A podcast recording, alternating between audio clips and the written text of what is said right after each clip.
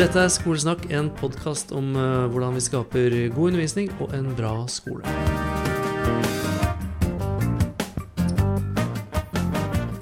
Hjertelig velkommen til nok en episode av eh, Skolesnakk. Det er veldig godt å være i gang igjen. Det må jeg si. Jeg er som vanlig Jørgen Moltebakk. Og gjesten i dag eh, er veldig veldig mye yngre enn meg. Men eh, det er jo ikke noe ulempe i dagens eh, samfunn å være yngre enn en gammel fyr som meg. Gjesten i dag er Leander Fjelstad. Hei, Leander. Hei, Jørgen. Du, det jeg vet om deg, er jo en del ting. At du er tidligere avgått leder, elevrådsleder ved Hersleb videregående skole. At du tok fagbrevet i kontor- og administrasjonsfag. Og så var du lærling i Kommunal- og moderniseringsdepartementet i den forbindelse. Og nå har du lagt videregående bak deg og eh, studerer offentlig administrasjon og ledelse. Stemmer det? Ja, det stemmer. Er det på UiO? Du er? Ja, det er på UiO. Ja. Uh, kult. Uh, og det, det er mye jeg har lyst til å spørre deg om. Jeg har hatt lyst til å prate med deg lenge. Eh, men jeg kan jo si eh, til lytterne, jeg gjør ofte det sånn Hvordan jeg har fått tak i gjestene. Altså hvor, hva var det som gjorde at akkurat du ble gjest? Og jeg ble klar over din eksistens her i våres, våren eh, 2021, da vi begge på hver vår kant var veldig engasjert i dette med avlysning av muntlig eksamen. Eh, der du var veldig eh, veldig mye i media og veldig sånn eh, en tydelig stemme. Eh, hva var det som gjorde at du på en måte engasjerte deg så veldig der? Nei, til vanlig så er jo ikke det en sak som et elevråd egentlig går inn i. Politiske saker er jo ikke det vi til vanlig jobber med. Men eh, jeg så stressnivået til elevene på skolen min, og jeg så andre skoler også, spesielt Oslo-skolen, eh, hvor det hadde vært litt så som så undervisning, kan man vel si. Lærerne gjorde så godt de kunne, men elevene slet jo fortsatt med det digitale. Og da ble det til at elevrådet vårt bestemte seg for at vi skulle sende et brev til kunnskapsministeren, og det gjorde vi. Vi fikk et dårlig svar på det, vil jeg selv si. Et svar jeg selv kunne skrevet fra min tid i departementet. Og da valgte vi at ok, vi må gå videre med dette her, for vi ser konsekvenser eh, som jeg, jeg tror de fleste så det, at de ville komme, men jeg tror ingen reagerte på de så tidlig. Så vi startet vel å jobbe med det ja, et halvt år før eksamen skulle gjennomføres. Sånn ekstremt. Og da gikk vi inn i Hadde et par uttalelser i media. Eh, og ja, sånn gikk det videre. Ja, og så, sånn gikk det videre. Eh, For de som har glemt eller fortrengt forrige skoleår, så endte det altså etter et massivt press med at muntlig eksamen ble avlyst. Eh, Og du hadde hele elevrådet med deg? Det var ikke liksom bare du som sto på, eller? Nei, det var hele elevrådet. Eh, Vi fattet et vedtak som Eller vi satte to vedtak. Ett om at vi ønsket at eh, tentamener skulle tilrettelegges, eh, hvordan skolesituasjonen i Oslo har vært. Og ett som gjaldt eksamen, at vi mente at den måtte avlyses for at elevene skulle få eh, den undervisningen de hadde krav på. Ja. Og så skrev dere brev, og så fikk dere et dårlig svar, og så gikk dere videre. Hva gjorde dere videre? Videre så gikk vi først på NRK, hadde vi en uttalelse der på Østlandssendingen. Og så var det vel tre mediesaker på, i løpet av to dager som var ute i avisene. Eh, og så valgte vi da å gå ut med det at vi mente at den måtte avlyses for elevenes beste. Og vi fortsatte den kampen. Til sammen ble det vel rundt 20 saker. 21-24 saker om, eh, som kun handlet om eh, eksamen. Og det er jo en Ja, god del. Um, så valgte Men Var du bare ute i media, eller? Jeg fikk liksom inntrykk Og det kan jeg si, vi har jo aldri snakket sammen før nå. Vi har bare liksom vært liksom i, i samme område, holdt jeg på å si. Du jobba liksom bare mot media. Jeg fikk inntrykk av at du også var veldig sånn aktiv, nesten sånn lobbyist, da. Ja, vi ble kjent som eh, lobbyist i elevrådet av en god del andre elevrådsledere som begynte å kalle oss. Eh, vi jobbet veldig mye I starten var det medier vi jobbet med, og så begynte vi mer å jobbe målrettet mot myndighetene. Der var det Utdanningsdirektoratet, Kunnskapsdepartementet, og så etter hvert når vi så at heller ikke det hjalp eh, Vi så jo vurderingen til eh, Utdanningsdirektoratet som var at eksamene burde avlyses. Vi så Melby nektet å lytte til dem. Og da ble det til ok, vi må faktisk gjøre saken politisk. Og til vanlig for meg så er det veldig viktig at du håndterer sakene på administrativt nivå før du går politisk. Og da valgte vi faktisk å ta det opp, og da drøftet vi det med byrådsavdelingen i Oslo. Vi drøftet det med andre politikere på Stortinget. Og det ble, sånt, det ble på en måte en videre kamp da, for å få kunnskapsministeren til å se problemene som allerede faginstansen hennes hadde påpekt. Mm. Ja, nei, det, har, Jeg har snakka om det i denne podkasten tidligere, før sommeren, med, eh, om den prosessen da, med liksom at mange lærere, elever, mange instanser på en måte hevet stemmen og skrev kronikker og var i media. Og at det, sånn, det var egentlig ganske gøy når man ser tilbake på det, sånn, å få gjennomslag også. Og jeg tenker Ofte så er jo elevrådet sånn, kanskje litt fordomsfull, da, men at jeg er ofte opptatt av om de skal få vannkoker i klasserommet, eller eh, om de skal dra, dra på skoletur eller ikke. Hvordan har reaksjonene vært til deg på at man gikk inn på en sånn sak på et sånt nivå, og fikk gjennomslag? Eh, jeg vil først svare på det du sier med at litt fordommer. Jeg er helt enig i de fordommene. Eh, jeg har alltid tenkt på elevråd som et organ som sliter med å få gjennomslag. Og det er fordi at det er veldig personbasert, egentlig. Det spørs hvem du har i styret, hvem du har som representant. Men mitt mål som elevrådsleder, det var jo at jeg ville bruke erfaringene jeg har opparbeidet meg gjennom de siste årene, eh, til å skape et elevråd som hadde gjennomslagskraft som gjør at vi faktisk kunne få igjennom det vi ville. Og da er det viktig å tenke at vi kan jobbe på lokalt nivå, som er skolen. Men vi kan også jobbe opp mot skoleeier, som blir fylkeskommunen, og vi kan jobbe videre opp mot uh, nasjonale instanser. Og det er jo litt det vi eh, valgte å gjøre, da. Men reaksjonene på hva vi holdt på med, det var egentlig veldig positive.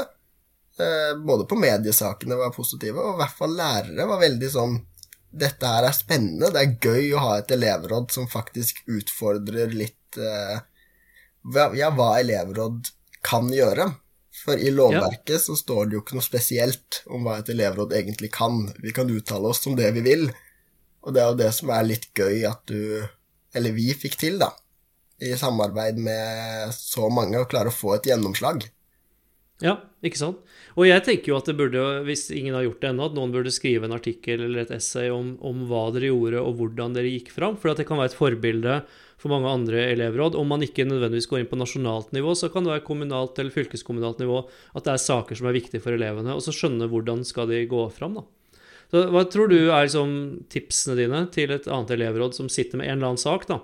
Tenker, det her har vi lyst til å gjøre. Hva, hvordan bør de gå fram? Jeg tenker jo Det første er jo at eh, de fleste saker handler jo om enten rettighetene til elevene eller skolemiljøet til elevene. Og da er det viktig at man drøfter sakene på på en måte lavest nivå først. Det er ikke sånn at du går eh, til kunnskapsministeren med en gang, men du kan ta det opp med elevrådskontakten på skolen, og så drøfter du det med rektor. Prøver å finne løsninger, men hvis skolen skulle være Jeg har snakket med mange elevrådsledere eh, på spesielt ungdomsskoler som har sagt det at de har hatt vanskelig for å få gjennomslag. At det blir på en måte et organ som styres av rektor, og det de skal mene, er det rektor sier. Det er jeg veldig glad for at uh, vi hadde et godt samarbeid på min skole med skolens ledelse. Men mm. det er jo et dilemma som vi har sett, og da er det viktig å jobbe Altså Hvis du ikke får gjennomslag hos rektor, så er det andre organ. Du kan ta det videre. Mener du at det er en juridisk feil, så kan du jo ta det opp med Gjelder det personvern, ta det med personvernombudet i fylkeskommunen. Gjelder det rettigheter på andre nivåer, så har du jo fylkesmannen, eller tidligere fylkesmannen, som er De kan jo rådgi på juridiske saker. Og mm. det er jo den at du må tenke at du har flere veier du kan gå for å komme til målet. Du kan også ta det opp med f.eks. i vårt favør, ble det Utdanningsetaten, hadde vi jo mye dialog med. Mm. Og politikerne for så vidt òg. Men har du inntrykk av at voksne da, i, for å si det, i diverse jobber er interessert i å lytte når elever tar opp saker? Ja, jeg tenker det. Jeg tror at veldig mange er ha, altså veldig mange har en aksje i uh, skole. Enten har de barn i skolen, eller så har de Altså alle har jo gått på skole. Så alle vet jo litt om det, og derfor tror jeg det er mange som faktisk følger med på det. Det så vi jo også i de mediesakene, at det, vi fikk veldig mye oppslag. Eh, og det var mange som leste de, så vidt vi forsto, og det er jo veldig mm. gøy. Ja, det er det, altså. Det er det. Du, jeg har lyst til å høre litt mer om Nå er du, er du 20? 1920? Ja, blir 21 nå snart. Du blir 21 nå snart, og, med, og, og jeg så jo Facebook-profilen din med alt du har gjort så langt. Det er jo forferdelig mye du har vært involvert i. Hvordan, øh, holdt på å si, hvordan starta det? Altså, du, altså Grunnskolen må jo alle gå på, og så skal man velge videre studieretning og alt mulig. Hva, hva var det liksom dine tanker om det? Nei, altså i starten tenkte jeg jo når jeg gikk på ungdomsskolen Da syntes jeg det var veldig mange valg velge i og jeg skjønner veldig godt de som sliter med å finne ut hva de vil gjøre. Men da skjønte jeg at jeg må ta et valg. Skal jeg velge å gå studiespesialiserende, eller skal jeg velge å ta yrkesfag? Og jeg visste jo at jeg ville ha en akademisk utdannelse. Så da var det å finne hva er den raskeste veien eh, inn i arbeidslivet, samtidig som du kan kombinere det med utdannelsen, og få den erfaringen jeg syns man mangler ved å gå vanlig studie, da. For der får du Kanskje altså det er mange som får seg en jobb ved siden av, men jeg tenkte jeg har lyst til å gjøre litt mer enn det. Eh, og da la jeg en plan. altså når jeg var liten, så hadde jeg jo veldig lyst til å jobbe i utenrikstjenesten. Eh, jeg hadde lyst til å bli ambassadør. Det er jo sikkert en sånn drømmejobb veldig mange unge har lyst til. Eh, for jeg så jo mange gode med det, og jeg syntes det var spennende å kunne representere norske interesser i utlandet. Da tenkte jeg hva er raskeste veien dit? Eh, og det ble da å gå faktisk yrkesfag. Da valgte jeg å ja. gå service og samferdsel, eh, fordi jeg hadde jobbet litt med salg før det. Eh, og litt med markedsføring. Jeg tenkte at det er en fin vei. Altså, du må uansett kunne kommunisere godt. Og du må, hvis du kan lære å selge et produkt, så er jo det supert, tenkte jeg. Og den erfaringen man kunne få med å starte bedrifter For går du service og samferdsel, så har du muligheten til å lage ungdomsbedrifter på mange skoler. Og det gjorde vi, eh, jeg og noen av vennene mine. Og vi, jeg var daglig leder for den bedriften i to år. Eh, vi søkte støtte og fikk en halv million. Eh, Oi. Og det er jo ganske store summer når du er 16 år. Ja, hva gikk den ungdomsbedriften ut på? Den gikk ut på å jobbe med kommunikasjon og medieproduksjon. Så jeg syns det var spennende å jobbe litt med de områdene òg. Og det ga meg jo mye erfaring jeg har brukt i ettertid, spesielt med mediene at jeg hadde jobbet litt med rådgivning opp på det tidligere. Mm. Eh, og da ble det jo til at vi fortsatte jo dette prosjektet utover at det var en ungdomsbedrift, så da holdt vi jo på i nesten to år. Eh, samtidig som det så hadde jeg en hel haug av andre verv, og fikk meg et par andre jobber der jeg jobbet mye med prosjektledelse og sånn. Veldig spennende å få erfaring i så ung alder. Eh, etter mm. det, så etter to år på videregående, så gikk veien til læretiden. Da startet jeg i Kommunal- og moderniseringsdepartementet. Eh, og det var veldig strategisk valgt, det òg. Eh, da hadde jeg endret litt hvor jeg ville hen. Jeg visste at ok, Utenriksdepartementet virker spennende, men jeg vil heller få et helhetsbilde av hvordan Norge henger sammen. Og da tenkte jeg at Kommunaldepartementet eh, som et samordningsdepartement med veldig stort portefølje det ville være et spennende sted å gå inn da og se. Og der fikk jeg jo utrolig mange muligheter også.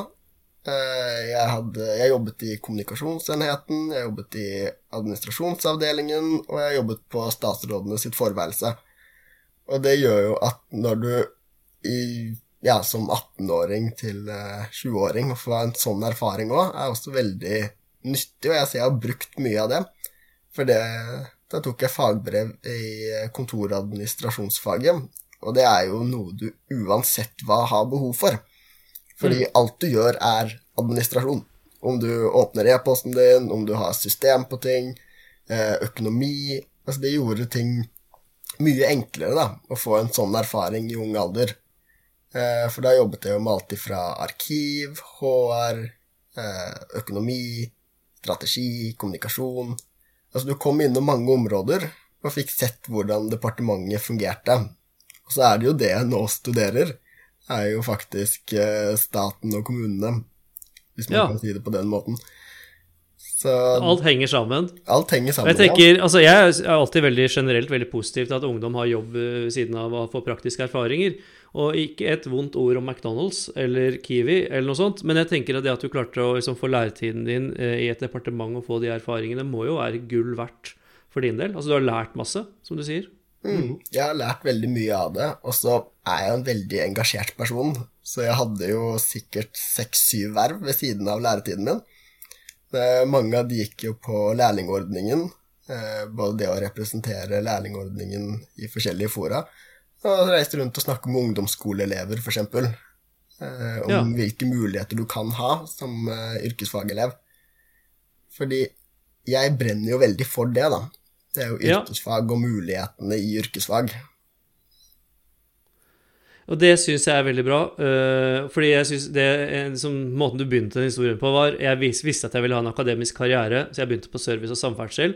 Det er noe av det kuleste jeg har hørt øh, på en stund. At du liksom har et sånn pragmatisk forhold til det. Så hvordan komme meg raskest til det målet. Eh, fordi veldig mange ville jo tenkt da må jeg ta studiespes. Ikke sant? Da, det er det, det jeg må gjøre. Føler du du har mista noe? At du ikke tok studiespesialisering? Nei, ikke egentlig. Jeg føler at det var en mye smartere vei egentlig å gå. Fordi jeg tok jo påbygg nå dette året. Det var jo da jeg var elevrådsleder òg. og da fikk jeg jo brukt de erfaringene jeg hadde bygd opp da, gjennom forskjellige verv og gjennom jobb. Eh, Ja. Og det syns jeg er veldig viktig, at du kan få en helt annen erfaring enn uh, ved å bare gå vanlig studie. Jeg tenker jo at Ja. det fagbrevet jeg har, det skiller meg jo litt ut i, blant alle søkerne da, på jobber i framtiden. Mm. Nei, altså I holdt på å si, forrige århundre så gikk jeg selv på yrkesfag eh, på videregående. Det het eh, handel og kontor uh, på den tiden. Og, og det ga også studiekompetanse, så jeg kunne begynne på universitetet etterpå. Uh, og jeg opplever vel, jeg opplevde da, og opplever nå, at det er, mye, at det er en del fordommer mot yrkesfag. Altså litt sånn status eh, eh, Folk snakker det litt ned og sånn. Er det noe du har opplevd? Ja, det har jeg. Jeg har opplevd at det er en del som tenker at å, du går yrkesfag, hvorfor gjør du det? Du har jo gode karakterer, hvorfor skal du gå der? Jeg kunne ikke Ja, du ikke sant? gått på Elvebakken eller gått på en av de kjempegode skolene, da? Og så tenker jeg sånn Ja, men dette er jo et valg jeg har tatt. Jeg har valgt at uh, Jeg har valgt jeg skal ikke jobbe med yrkesfag uh, for alltid, men jeg tenker at det er en veldig fin bakgrunn å ha med seg. Uh, det er jo litt likt handel og kontor, eh, det løpet jeg har gått nå, da. Det er jo det som er det tidligere. Ja. Nei, altså, vi hadde jo norsk og engelsk, og vi har jo liksom de, veldig mange vi, vi, Det var en del sånn humaniorafag vi ikke hadde, historie f.eks. Men jeg har jo studert idéhistorie på universitetet senere. Så da jeg var liksom 24-25, så var liksom totalpakka da var en sånn miks av praktiske, økonomiske ting og, eh, og litteraturvitenskap og, og, og sånne fag.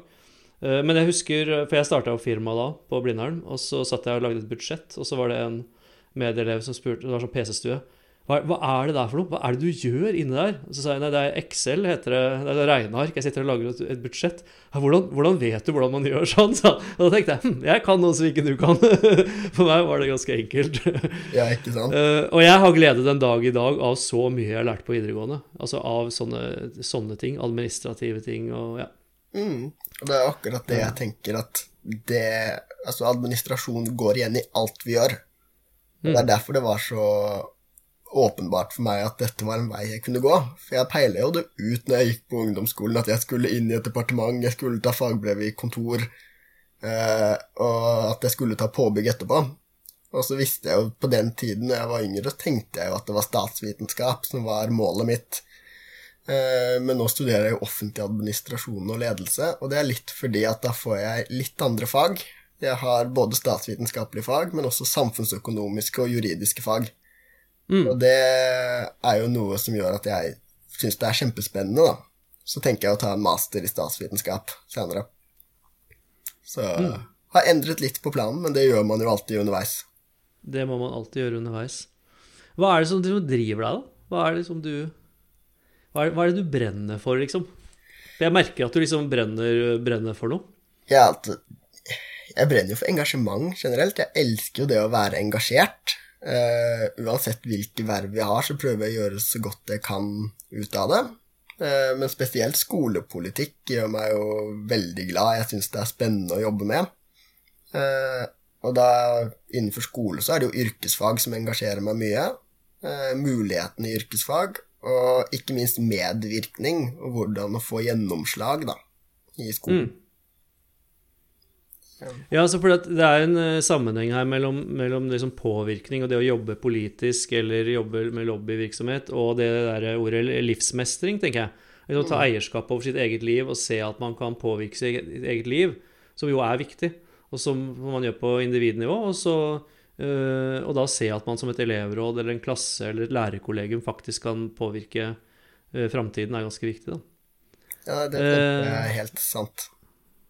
Men hva er, jeg, jeg, går ut fra at du har noen sånne ambisjoner nå, da. Hva er det som er drømmejobben sånn uh, om ti år, da? Nei Eller 15? Eh, jeg håper jo at jeg kommer meg inn i departementet departementene igjen ved en senere anledning. Jeg har jo endret litt Nå er det ikke UD som er drømmeplassen. Nå er det å jobbe med innenrikspolitikk, for det er det jeg syns er mest spennende, da. Så vi får jo se. Kanskje et departement om noen år. Uh, ok, og da, nå velger jeg departement for deg. Da sier jeg Kunnskapsdepartementet. så tenker jeg liksom uh, Du får jobb der. Uh, enten helt på topp, da, at du er kunnskapsminister, eller kanskje du er i embetsverket for å påvirke litt mer sånn. Hvilke ting ville du gjort, da? Hvilke endringer ville du gjort? Nei, som Hvis jeg skulle vært kunnskapsminister, så hadde det jo vært en god del satsinger jeg ville ha implementert. Uh, Spesielt da tenker jeg på en satsing på yrkesfag. Det er jo noe både denne regjeringen gjør, men også antageligvis en rød-grønn regjering etter valget vil satse på. Eh, men da tenker jeg spesielt på karriereveiledning og yrkesrådgivning. At det kan man satse videre på. Eh, hadde jeg vært kunnskapsminister Hva skal man gjøre med yrkesfag, da? Altså, hva, hva tenker du man må gjøre? Altså, vi må ikke bare snakke om yrkesfag på en positiv måte, men vi må også sørge for at de elevene som går der, føler at de går et løp eh, som de faktisk kan få en jobb etter de har fullført. Og vi må få eh, andre elever, spesielt da studiespesialiserende, til å forstå eh, hvor viktig yrkesfag egentlig er. For så å si alt rundt oss er jo eh, Altså veldig mye, i hvert fall, er yrkesfag. Og yrkesfaglige jobber. Um, mm. Mm. Nei, så jeg, jeg hadde nok uh, gjerne kunnet ønsket å jobbe som uh, Eller på administrativt nivå i embetsverket, men uh, når du var inne på det, sånn som kunnskapsminister, da Det var jo noe vi har snakket litt om tidligere. så ville jeg nok også ha lagd en NOU akkurat nå, da, som gjelder ja. satt, Eller som da ville sett på hvordan korona har påvirket skolegangen og om det har gått noe i tapt læring. Kunnskapsministeren har jo sagt at det ikke har vært noe særlig tapt læring. Det var jo det hun la til grunn for å kunne gjennomføre muntlig eksamen. Eh, men jeg tenker at det er viktig å se på det, og se har vi egentlig mistet noe av det kunnskapen vi burde hatt, og hvordan skal vi i så fall eh, tette det igjen. For nå snakker man jo mm. veldig mye om uh, ungdomsskolen og videregående, at der må man tette igjen det de har mista. Men man glemmer kanskje litt høyere utdanning, og det at vi har jo to kull nå som går eh, ja, på universitetene. Mm. Mm. Ja, man må virkelig finne ut av ting. Det kan jo hende noen har lært mer også. Jeg har i hvert fall elever som sier at de forrige skoleår var et av de beste, når de fikk sitte mye hjemme og i fred og ro og fordype seg. Sånn, så det er eh, masse erfaringer på godt og vondt da, mm, fra mm, jeg, alle. Jeg tror egentlig det stemmer ganske godt, at det er mange som har lært mer for nå har du blitt overlatt mye mer til deg selv. Men det at for å få de karakterene som du til vanlig ville hatt, så måtte du jobbe mer. Eh, mm. jeg var jo sitert i eh, Avisa Oslo, var det vel, eh, der jeg følte Oi, jeg har jo ikke et liv, følte jeg akkurat da. For der sto det at det eneste jeg brukte tid på, var elevrådsarbeid og skolearbeid. Det stemte jo ikke helt, men det var jo det, var det, men det er jo viktige ting, det. Men det er, det er jo det mange har brukt tiden sin på, da, tenker jeg. Det er skolearbeidet. Og det man før var eh, Altså, læreren har jo gjort en fantastisk jobb i det hele, men nå var man litt mer overlatt i seg selv, og da tror jeg at man jobbet dobbelt så mye, kanskje mer enn det òg, for å klare å ligge på det nivået man til vanlig ville vært, og kanskje også kommet ja. høyere. Så det å faktisk øh, jobbe mer er det som gir resultater. Mm. Uh, og, noe for noen, og, men det har vært mye forskjellige erfaringer. Noen har hatt det vanskelig, og noen har hatt det fint. Og det må vi bare finne ut av. Vi skal nærme oss avslutning. Jeg vil så si at Hvis det nå er en rektor eller en lærer som hører på, som sitter og har ansvar for elevrådet uh, på sin skole, Det kan jo hende det er noen elevrådsledere også. Ifølge statistikken så har jeg ikke så veldig mye unge lyttere, men det kan jo hende det kommer nå. Men hvis det er en rektor eller lærer som da er som elevrådsansvarlig på sin skole, og tenker søren, jeg skulle ønske at eh, vårt elevråd var mer på ballen og jobba mer, eller var mer engasjert og sånn, hva tenker du at eh, Hva vil være ditt tips til de? Det er jo det å sørge for at elevrådet selv egentlig bestemmer litt hva de vil jobbe med. At de lager en strategi på starten av året der de sier 'dette her har vi lyst til å gjennomføre'. Og kanskje også ha et årshjul som er laget som elevrådet og skolen samarbeider på.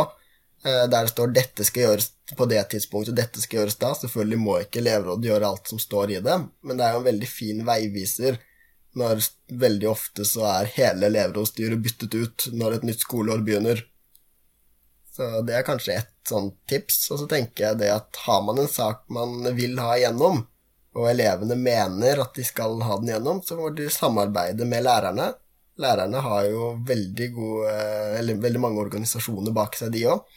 Så samarbeide med lærere, samarbeide med skolens ledelse. Og hvis man ikke får gjennomslag, så ta det politisk, jobb med det i media, og gjør litt lobbyvirksomhet. Det hjelper jo på. Det er også en veldig spennende oppgave for elevrådene å jobbe med, da. Uh, ja, da var det masse gode tips. Uh, og jeg tenker det der med årshjul Det er jo sikkert en del faste poster hvert år på ting som også man jobber med på fast, samme tid hvert år, og sånn, at man har det klart. Så man slipper å bare møtes og si er det noen som har noen ideer. Er det noen som har noen forslag? Og så mm. sier de ja, vi skulle hatt vannkoker i klasserommet. Og så er jo det uh, viktigste det er jo å faktisk lytte til elevene, og gjøre det elevene ønsker. Det er jo ikke elevrådsstyrene som bestemmer, eller rektor som bestemmer. Her er det å høre har elevene noen gode ideer. Prøve å jobbe med å få de til å finne disse ideene. Ha workshoper i hver enkelt klasse for å finne gode og spennende løsninger på nye dilemmaer. Ja. Eh, det er eh, veldig gode tips. Og der tror jeg vi setter strek for denne eh, episoden. Eh, og så tenker jeg at hvis noen ble veldig gira av dette her, så finner de deg sikkert både på sosiale medier og på nettet og kan stille deg et spørsmål eller ja, eh, be om noe mer tips. Det må de gjøre. Du Leander Fjelstad, tusen takk for praten. Lykke til med studiene. Det blir spennende å følge med på deg på hvordan det går. Og tusen takk for at du var gjest i Skolestak. Veldig hyggelig å bli invitert. Tusen takk, Jørgen. Uh, og til deg som uh, hører på, ta en liten innsjekk med elevrådet og uh, hør om det er noe, de har noen ideer. Så, så, kanskje de har noe du ikke har tenkt på i det hele tatt, som de kan jobbe med på din skole. Tusen takk for at du er med i Skolesnakk. Vi er straks tilbake med en ny episode.